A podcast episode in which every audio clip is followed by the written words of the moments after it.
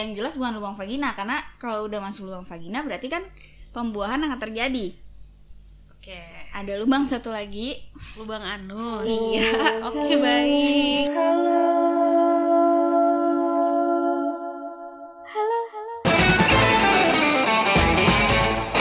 Halo.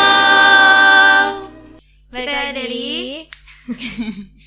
di mulut perempuan ada gue Mei. ada gue Stefani. Ada aku Uni. Di episode kali ini kita bakal bahas tentang seks dan perempuan. Seks dan perempuan. seks. Wow. Kenapa harus seks dan perempuan?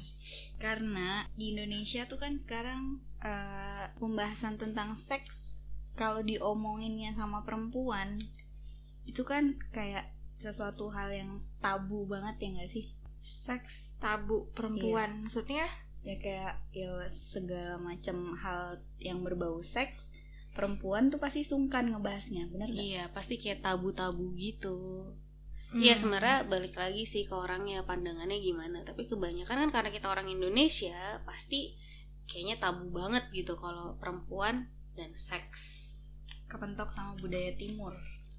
Jadi seks di mata perempuan tuh tabu kan ya. Tapi gue pengen tahu pandangan kalian masing-masing tentang seks tuh apa sih? seks. Menurut Dari Coba dulu, Sep. ya dari Stefani dulu. Stefani dulu. ya kalau gua ya seks pandangan gua sih mm, tentang seks eh kalau misal kalian dengerin podcast yang sebelum-sebelumnya udah pasti menurut gue sih nggak tabu-tabu banget gitu ya dari cara gua ngebahas tentang seks dari episode-episode sebelumnya gitu. Jadi kalau sebenarnya kalau menurut gua ya seks itu tuh nggak begitu tabu gitu. Karena ya sebenarnya kita melakukan hubungan seks itu karena sama-sama suka percaya sama orang yang kita berhubungan gitu Dan orangnya pasti dikenal. dan orangnya pasti dikenal gitu kan nggak yang tiba-tiba gue nggak kenal dia siapa terus Tiba-tiba gua nge-seks. seks gitu Coba ya eh, kan? dengerin lagi podcast sebelumnya. ya kan tapi setidaknya gue udah kenal satu jam asik sebenarnya balik lagi sih maksudnya kalau jadi kalau misalnya menurut gue sebenarnya ya nggak terlalu tabu cuman balik lagi dengan budayanya Indonesia pasti banyak yang berpikir seks itu tabu banget apalagi kalau cewek yang ngomongin gitu Tapi kalau dari gue pribadi sih sebenarnya enggak sih asal ya bertanggung jawab aja gitu Bertanggung jawabnya tuh gimana ya? ya setidaknya nggak bikin malu orang tua lah hamil gitu ya kan itu kan salah satu bikin malu namanya kayak gitu Hmm. Kalau menurut kau nih gimana?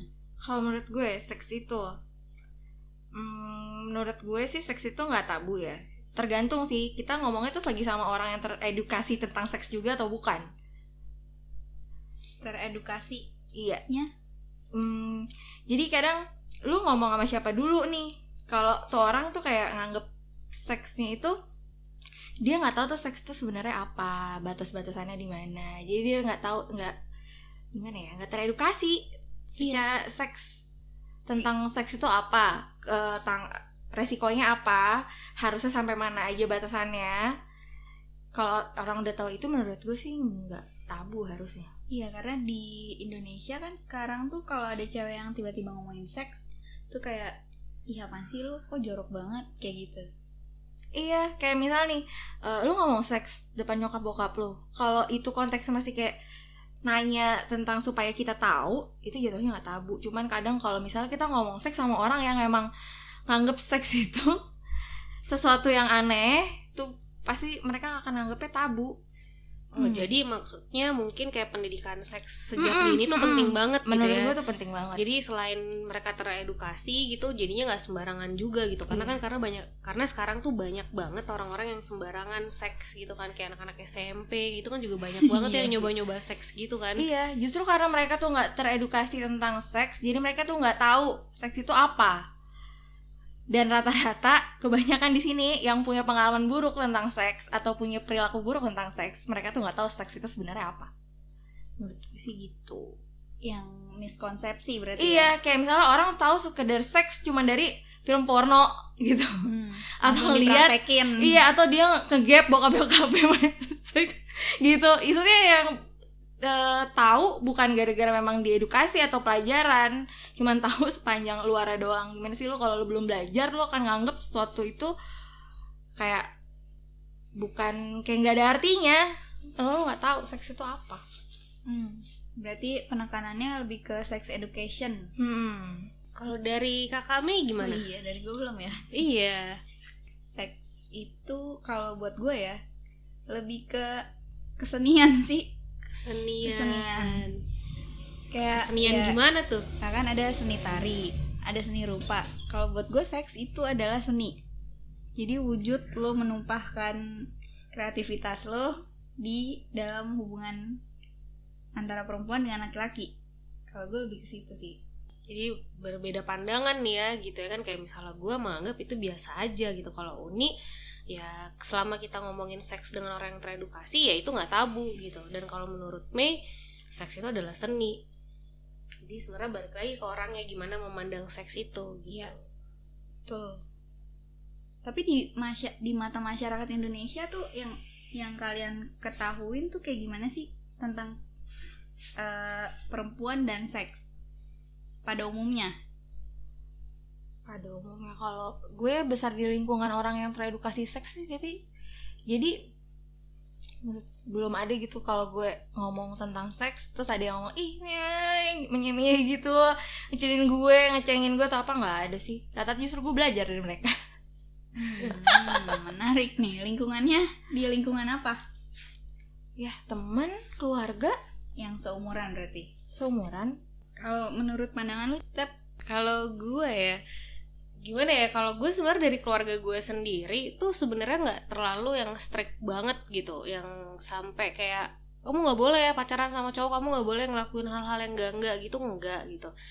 Karena keluarga gue tuh bebas banget sebenarnya yaitu tadi asal bertanggung jawab gitu mau kayak gimana pacarannya tapi asal bertanggung jawab sama dirinya gitu. Jadi eh, nggak ada tuh dari keluarga gue atau lingkungan sekitar gue gitu yang kayak terlalu mengekang. terlalu iya mengekang gitu jadi ya mungkin karena dari keluarga gue sendiri kayak gitu jadi gue memandang seks itu ya biasa aja gitu tapi dengan adanya keluarga gue yang percaya sama anak-anaknya jadinya gue bisa bertanggung jawab atas itu gitu Hmm. dan alhamdulillahnya sih sampai sekarang gue nggak pernah melakukan hal-hal aneh kayak hamil atau apa gitu gue nggak pernah gitu balik lagi sih sebenarnya jawabannya. Iya, cuman ada juga kayak beberapa temen gue gitu kayak misalnya yang menganggap kayak cowok-cowok gitu ya beberapa temen gue yang cowok-cowok tuh ada kayak menganggap seks itu tabu banget kayak misalnya gue mulai misalnya mereka yang ngomongin seks atau segala macam di situ ada gue gitu karena ada gue jadi kan gue kayak ikutan ngobrol jadinya gitu dan Hmm. menurut mereka tuh kayak sesuatu yang aneh gitu kok lu gini sih lo kan cewek lo harusnya tuh nggak boleh ngomong kayak gitu-gitu gitu padahal Hmm. Maksud gue ya biasa aja lagi gitu loh. Dunia seks itu tuh bukan dunia cowok doang gitu. Cewek pun tuh ada dunia seksnya juga gitu. Dan ya kadang-kadang kita sebagai cewek-cewek aja kalau ngumpul suka ngomongin tentang seks gitu ya kan? Cuman nggak terbuka aja kayak cowok yang ngomong sembarangan. Iya. gitu. Tapi dari diri kalian masing-masing nih eh, menganggap seks itu masih tabu ada kan masih masih ada part bahwa seks itu tabu kayak contohnya ya urusan ranjang lo ya nggak bakalan lo ceritain ke siapa-siapa bener nggak Iya, kecuali sama orang yang emang deket banget sama gue ya. Kayak misal temen-temen cewek gue yang ya temen yang emang udah deket lah. Kadang-kadang suka sharing tapi bukan sharing yang bener-bener sharing sampai ngebuka semuanya. Cuman Detail. paling kayak ya nggak detail-detail banget gitu. Paling kayak misalnya kalau lagi ngomongin Eh lu udah pernah nyoba belum sih yang kayak gini-gini? Yang kayak gitu-gitu. Nggak yang sampai gue sama si ini tuh begini begini. Enggak nggak yang kayak gitu. Nggak sedetail itu ya. Kalau Iya. kau nih balik ke norma sih sebenarnya. Orang kalau ngomong juga pasti kan ada batasannya. Normal lu sampai mana sih? Karena kalau misal lu ngomongin seks antara lu sama pasangan lu ke orang lain kayak ya itu udah bukan ngomong seks lagi sih ya. Lu kayak nggak punya norma aja nggak punya sopan santun gitu. Udah jadi kan batas Hmm, privasi. iya. Gitu kok menurut gue. Oke, kalau itu tadi pandangan tentang eh, masyarakat yang melihat antara seks dengan perempuan. Kalau dulu di sekolah tuh kalian tuh sex educationnya dapat nggak sih? Kalau sekolah gue ya, eh gue sih dari SMP itu sekolah gue tuh udah ngadain sex edukasi. Udah ada tuh namanya sex education dari tapi lebih ke reproduksi sebenarnya gitu. Sistem Si- reproduksi. sistem re- reproduksi.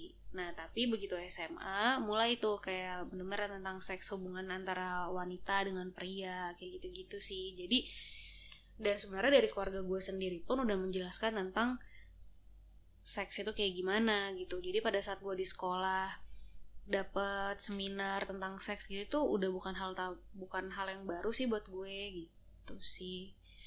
Jadi ya makanya ya mungkin karena karena dari keluarga dan sekolah gue juga udah ngasih dari gue kecil gitu tentang seks edukasi jadi gue memandang seks tuh nggak yang tabu-tabu banget gitu Hmm. Kalau dari kau nih gimana? Kalau dari gue sama sih paling pelajaran di sekolah tuh kebanyakan yang eh, ini loh eh, alat reproduksi ini tuh jangan ini. Ya tapi kalau misalnya dari orang-orang terdekat paling cuma ngasih tahu batasan eh nanti kalau misalnya sama eh, punya temen cowok gitu kan. Eh, jangan mau ininya dipegang. Cuman kayak gitu-gitu aja sih. Kebanyakan paling gue nyari sendiri. Browsing browsing google google atau kadang temen gue suka ada yang ngomong aja gitu celetuk Berarti dari sekolah nggak selengkap itu Nggak. edukasinya. Hmm. Kayak soal anatomi anatomi tubuh, fungsi-fungsi organ-organ vital ya yang lebih ngenalin seks. kayak gitunya aja sih kalau yang lebih kayak seks antara pria sama wanita belum kayak belum pernah gue dapet yang sedetail itu kecuali nyari sendiri Hmm, sama sih. dari kalau dari kami gimana edukasi tentang seks Kalau gue seingat gue dulu di SMA tuh pernah ada seminar tentang yang disebutnya sex education, tapi yang dipresentasikan itu ya cuman sebatas pengenalan organ-organ tubuh, nggak sampai eh, cara melakukan hubungan seks kayak gitu-gitu tuh nggak ada.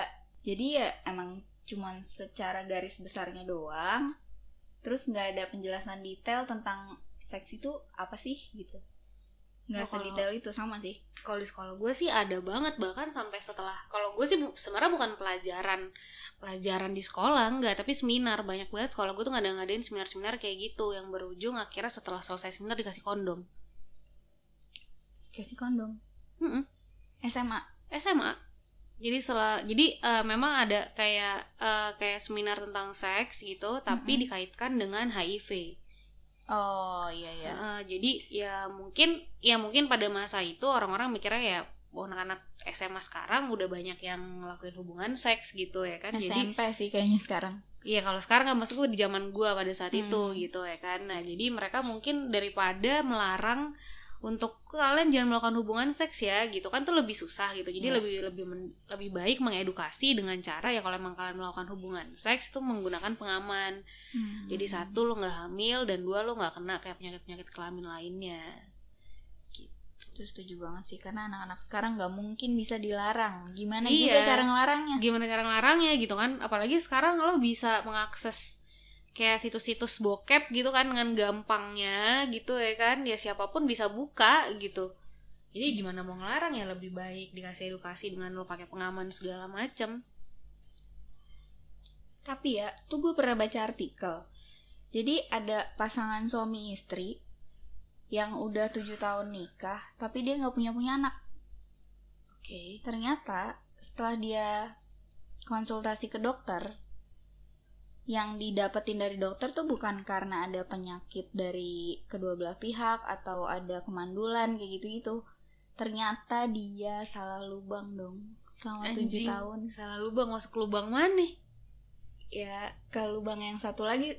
Yang jelas bukan lubang vagina karena kalau udah masuk lubang vagina berarti kan pembuahan akan terjadi. Oke. Ada lubang satu lagi. Lubang anus. Iya. oke baik. Itu. Berarti dia selama dia selama tujuh tujuh tahun, tahun. nikah. Salah alamat. Anjir Lu salah bayangin lubang gak sih? Kayak edukasinya segitu kurangnya segitu minimnya. Ini loh Sampai- anal. Ini loh Tapi oral. gue, ini loh zaman lubang sekarang pipis. tuh masih kayak gitu? Mas gue gini Iya lu sebagai cowok ya gue nggak tahu gitu ya. Cuma maksud gue sekitaran lingkungan gue gitu ya kan Mm-mm. ya pasti cowoknya tuh pernah nonton film bokep gitu ya kan? Iya. Tapi masa dia nggak tahu masukin ke lubang mana gitu? Untung tapi ada aja kali mungkin mereka masuk lubang kuping. Nggak pakai rumus tuh bikin anak. Hamilnya di pala. Kok pala lu gede ya? Ini lagi hamil lubang kuping sih keterlaluan. Iya kayak gitu. Gimana sih? Maksudnya lu menanggapi hal-hal yang kayak gitu tuh malah ada juga yang katanya malah dimasukinnya ke lubang udel. Lu tau udel gak oh my god lubang puser lubang puser emang puser bolong kan? Itu enggak nikah underage tahun baca- berapa itu ya? Baca artikelnya juga speechless sih maksudnya. Buset tuh kayak nggak pernah kepikir juga sih malah anak-anak SMP zaman sekarang kayak yang udah jauh lebih dari itu gitu pengetahuannya. Sementara ini orang yang udah menikah dia bisa salah lubang dong. Gue sih aneh banget sih gue lucu banget sih dengar maksudnya ada artikel kayak gitu. Ya, karena menurut gue ya zaman sekarang gitu cowok nggak nonton bokep tuh agak aneh. Ya gue nggak tahu kalau ternyata emang ada yang nggak nonton gitu. Cuman mas gue bisa salah lubang gitu ya kan? Dia nggak punya temen gitu yang ngomongin Yang tentang seks sama gitu. dia gitu ya kan? Atau kayak selama tujuh tahun gitu lo nggak bisa punya anak lo nggak sharing gitu sama temen lo gue udah tujuh tahun nih gini gini gini ternyata gitu. gue salah lubang.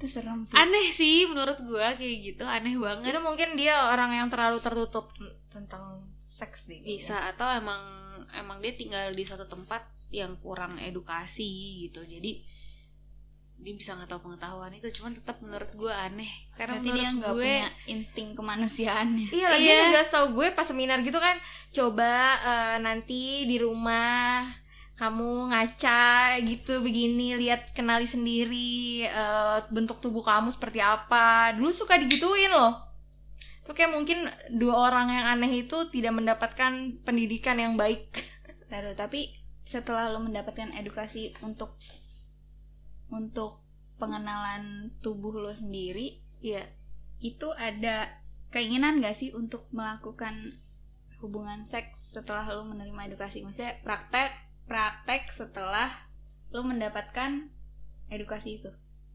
penasaran sih ada ya cuman nggak tahu ujungnya malu sendiri aja oh ntar aja ntar aja ntar aja ntar aja Berarti seks tabu buat lo ya? Enggak juga sih, cuman ya ntar aja, waktunya belum tepat. Kalau misalnya gue ngerasa ad- ada waktu yang tepat, walaupun misalnya belum merit terus segala macam ya, gue akan melakukannya. Tapi belum tepat aja menurut gue. Gue belum ngerasa belum klik. Nah, kalau dari lo, Sep? Kan lo yang paling barbar. Coba diceritain. Setelah lo nerima edukasi, yang terpikirkan oleh lo tuh apa? Apa lo jadi kesugas untuk praktek atau oh ya udah ini edukasi buat gua aja nanti. enggak sih gue pas terima itu ya gue biasa aja sebenarnya ya karena gue dari kecil deh sama bokap gue tuh udah udah dikasih tahu tentang kayak gitu gitu jadi nggak ada rasa penasaran gitu dan sebenarnya eh gue takut sih kayak zaman dulu gitu ya sebelum gue memulai memulai hubungan untuk pertama kalinya melakukan hubungan itu gitu gue agak takut sebenarnya kayak apalagi kan pikirannya masih gue masih perawan ya masa ya gue kasih perawan gue ke mana-mana gitu kan nggak juga. Jadi gue kayak memilah-milah jadi gue nggak ada rasa penasaran sebenarnya kayak kayak ah gue pengen gitu. Tapi nggak ya sempat ada tersirat sih kayak ah, gue pengen deh ngerasain itu cuman kayak ya udah biasa aja gitu karena gue belum menemukan orang yang tepat aja. Tapi ya sesungguhnya pun setelah pertama kali pun tidak tepat juga orangnya gitu. Soalnya kayak rasa penasaran rasa penasaran yang ada di kepala lu ini mau lu cobain sendiri kayak atau lu cobain sama pasangan lu tergantung jawaban yang lu dapet. Kayak misalnya tadi gue eh, gue nyari tahu tapi menurut gue nih jawabannya gue udah dapet. Jadi menurut gue stop di situ. Kadang ada orang yang bilang aduh kayak cuma baca doang gue nggak bisa deh gue harus praktekin. Itu tergantung si otak lu sendiri itu nerimanya gimana. Masih penasaran apa enggak? Cobain Ya tapi menurut gua siapa pun yang menerima sex education kalau umur lo masih 18 ke bawah jangan dipraktekin dulu deh. Iya, tapi itu Ya. emang bener sih. Tapi biasanya sex education itu kalau waktu gue ya dapat tentang sex education itu tuh eh, lebih kayak lo pasti akan juga nerima yang namanya masturbasi gitu-gitu pun juga akan dibahas gitu tapi kalau misalnya lo melakukan masturbasi dengan sembarang lo akan mendapatkan kayak penyakit dalam yang lainnya sehingga itu bisa nge-stop suges lo untuk ah gue pengen itu pengen nyoba sendiri. Tapi kes jadi stop gitu loh. Karena lo tahu kalau misalnya lo nyoba itu sembarangan yang ada lo malah kenapa-napa gitu. Malah ada penyakit dalam segala macem Nah, itu kayak gitu-gitu. Coba dong edukasi gue. asik. Kita nanti aja ya. Kita sendiri-sendiri edukasi.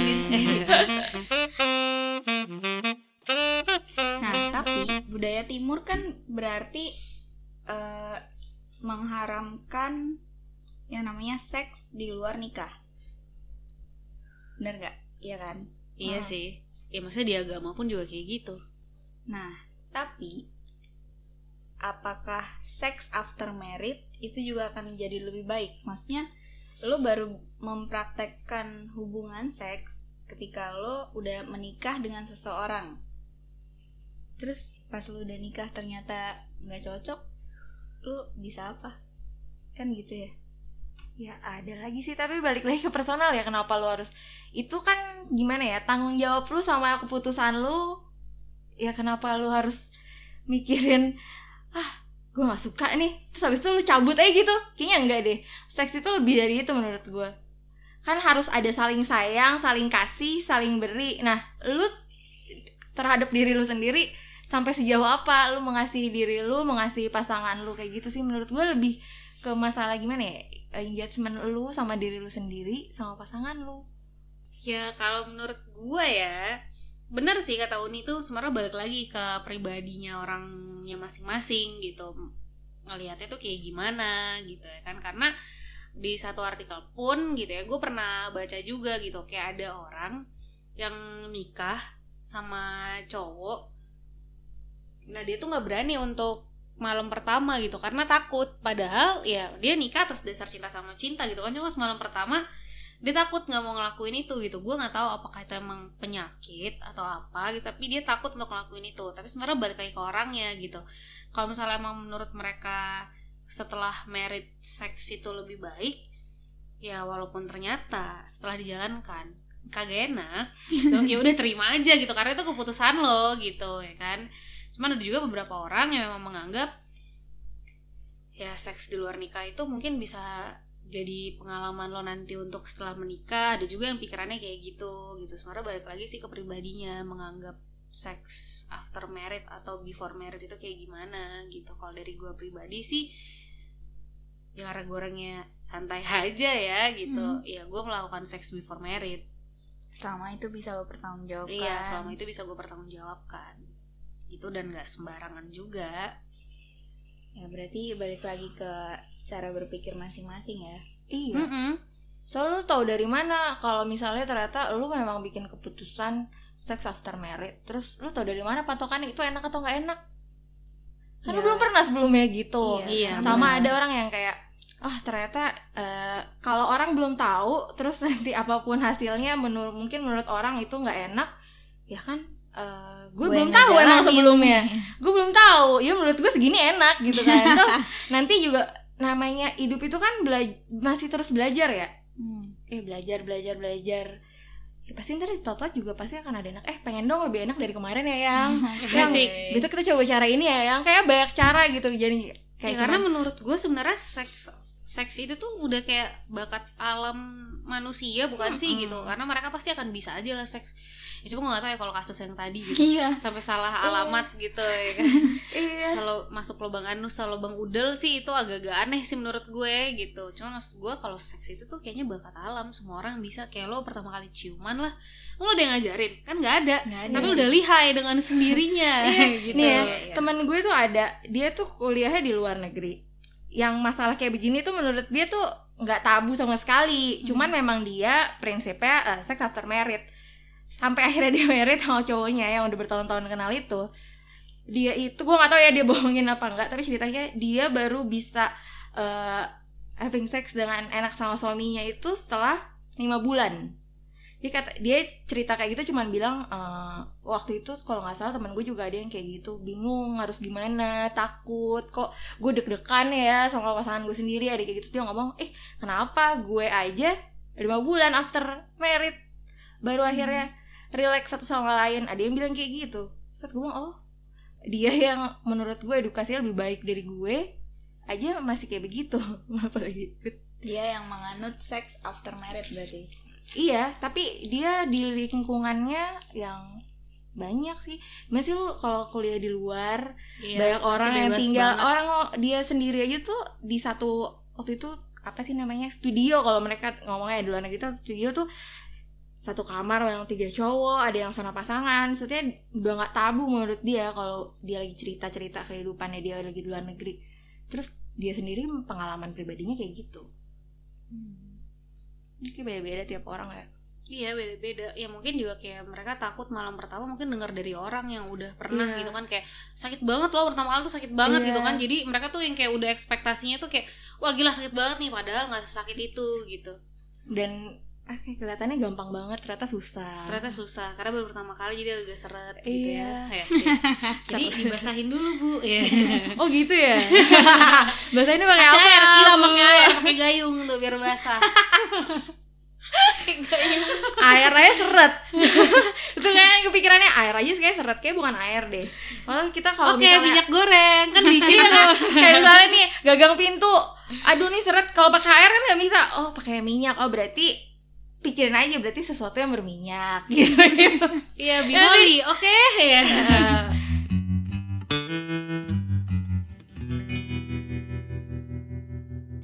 Jadi sebenarnya kita tuh ngebahas tentang masalah seks ini karena beberapa sebelum-sebelumnya ya gitu ya podcast kita kan banyak tuh ngebahas tentang seks seks seks gitu. Ya, mungkin celutukan-celutukan yang celutukan-celutukan dirty. yang dirty gitu. Jadi mungkin uh, di sini sebenarnya kita mau ngebahas sih pandangan mulut perempuan tentang seks itu kayak gimana gitu. Karena mau takutnya beberapa orang tuh banyak yang mikir kok kok mereka segampang itu ya ngebahas Iya. tentang seks segala Hmm, macam jorok gitu. banget. Jorok banget kayaknya gitu. Tapi sebenarnya itu balik lagi menurut pandangan kita kayak gimana.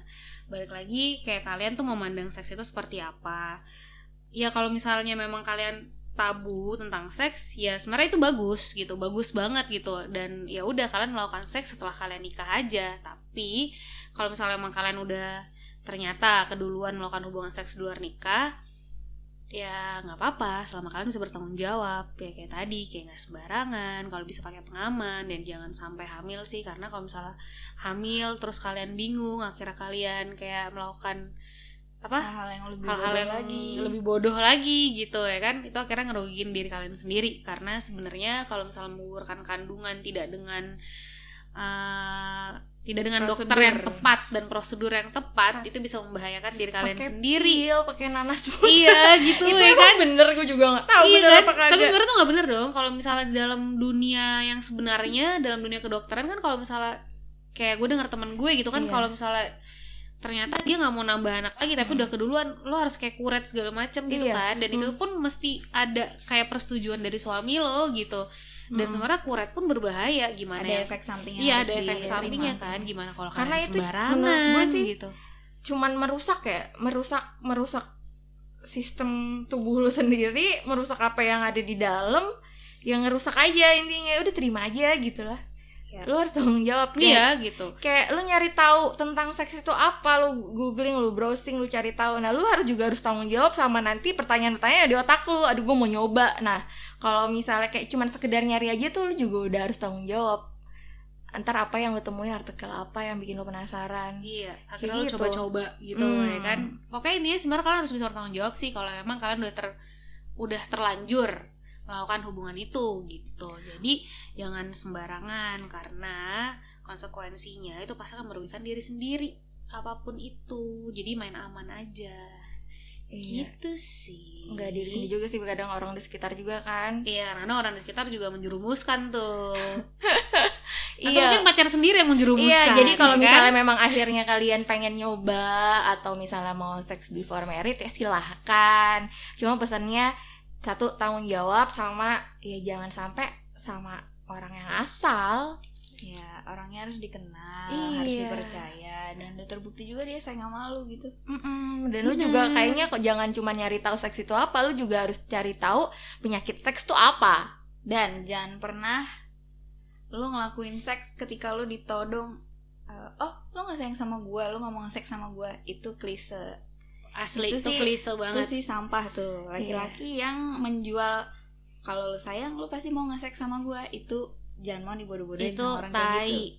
Lo tinggalin aja itu cowok-cowok kayak gitu. Iya. karena itu udah pasti bangsat. Akal-akalan. Akal-akalan si bangsat. Kalau emang takut insecure nih dia tanggung jawab nggak ya? Atau gue bisa tanggung jawab nggak ya? Ya udah mendingan stop dulu. Tahan tahan Iya, atau kayak kalian juga nih, karena beberapa teman gue juga ada tuh kayak ternyata dia sama cowoknya udah pernah melakukan hubungan itu dan akhirnya pada saat putus ngerasa minder. Ada nggak ya cowok yang mau sama gue karena gue udah nggak perawan segala macam? Tenang aja, pasti ada cowok yang menerima lo apa adanya. iya dan gak semua laki-laki itu perawan Benar, gak semua laki-laki itu perjaka. Jadi kalian tenang aja. salah ya gue perjalanan Tetap ya. eh, pede sama diri lo sendiri, tapi jangan mengulangi hal yang sama. Udah kayak gitu Iya. aja sih sebenarnya. Iya. Kalau menurut gue Mm-mm. sih kalau buat lo yang belum pernah nyobain seks dan Ya, itu belum bagus. menikah ya lo pertahankan aja Iya, itu bagus tahu- harus dipertahankan. Iya, setelah lo merit lo akan nemuin pasangan yang pas buat lo melakukan hubungan yang semestinya. Ya udah tahan aja dulu. Kecuali lo udah keburu terperosok gitu, ya Iya. pertanggungjawabannya lo harus siapin dari sekarang. karena dulu tuh sering banget ngomong kalau cewek udah perawan ada bekasnya tapi kalau cowok udah gak perjaka nggak ada ada bekasnya bekasnya. nah dari Betul. situ aja tuh lo udah harus tahu tuh konsekuensinya apa dari situ ya kan gampang itu se- se- sesimpel itulah Sesimpel itu sih. sesimpel itu kalau menurut ya. Kalau misalnya oh nggak apa-apa I take it gitu kan ya udah sok tuh silakan Ya, Kenapa lo, lo enggak? juga yang jalanin kan? iya lu juga yang jalanin lu juga yang enak gue mau dengar ceritanya doang Iya sih, jadi suara kita di sini nggak mau ngejudge buat kalian yang kayak ya emang menganut paham seks after married atau before married gitu. Cuman pesannya aja kalau emang kalian udah melakukan seks before married ya kalian harus melakukan itu Iya. dengan aman. Udah. Mm, karena Gitu kita percaya aja. kok kalau orang udah tahu dan mau melakukan atau nggak melakukan itu pasti orang udah tahu seks itu apa Benar. Betul. Dan perbanyaklah ilmu tentang seks. Jadi seks tuh nggak cuma sebatas hubungan intim, memasukkan penis ke dalam vagina nggak cuma sekedar Iya. itu doang. Masih banyak hal-hal lain yang perlu dipelajarin kayak sistem reproduksi, eh, efeknya apa kalau kalian melakukan hubungan seks kayak gitu lebih diperdalam aja sih kalau kalian emang benar-benar mau paham soal seks. iya mau kalian hasilnya enak mau hasilnya nggak enak mau kalian sakit mau kalian tetap sehat ya tetap lo juga yang tanggung jawab Ya. Nah, Dan jangan pernah berganti-ganti pasangan karena itu bisa berbahaya. menimbulkan penyakit, penyakit. penyakit hati dan penyakit kelamin.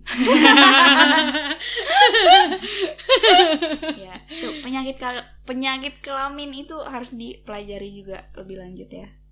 Karena eh, kalau udah berganti-ganti pasangan, apalagi before married kan, itu efeknya sangat panjang. Tahu-tahu lo HIV kan, Serem juga serem tuh. banget. gila. Asli. iya Apalagi HIV belum ada obatnya kan. Iya, Cuma mau- bisa memperpanjang umur lo doang gitu. Hmm. mau after married juga itu jadi mau before atau after juga nggak menutup kemungkinan kalau misalnya lo habis seks bakalan sakit ih bisa juga mau lo after married juga kalau Iya misalnya ternyata sih. lo nggak secure Bener. bener kan lo tau dari mana oh iya misalnya pasangan lo belum pernah seks juga tapi kan misalnya nih ada dari gennya eh ternyata dia punya HIV dari dia lahir atau dia punya penyakit apa turunan atau dia punya ya apalah namanya bakteri kuman kayaknya tuh ada aja Hmm. Ya, Jadi makanya semuanya, kan sekarang uh-uh. kalau misalnya orang mau nikah tuh harus diperiksa dulu setahu gue. Ya, Iya, tes sekarang tuh ada. medical check up wajib. Oke, kayaknya seks di mata perempuan menurut mulut perempuan, eh, menurut gue udah terwakili tadi gue bicara dari Mei, dari Stefani juga. Ya menurut kita balik lagi nih ke kalian tanggung jawab eh, dan kalau bisa ya kalian harus tahu dulu deh seks itu apa, baru belajar melakukan. Ya udah, gue pamit dulu sampai ketemu di podcast berikutnya. Gue Uni, Gue Mei. Gue Stefani. dadah. Dadah.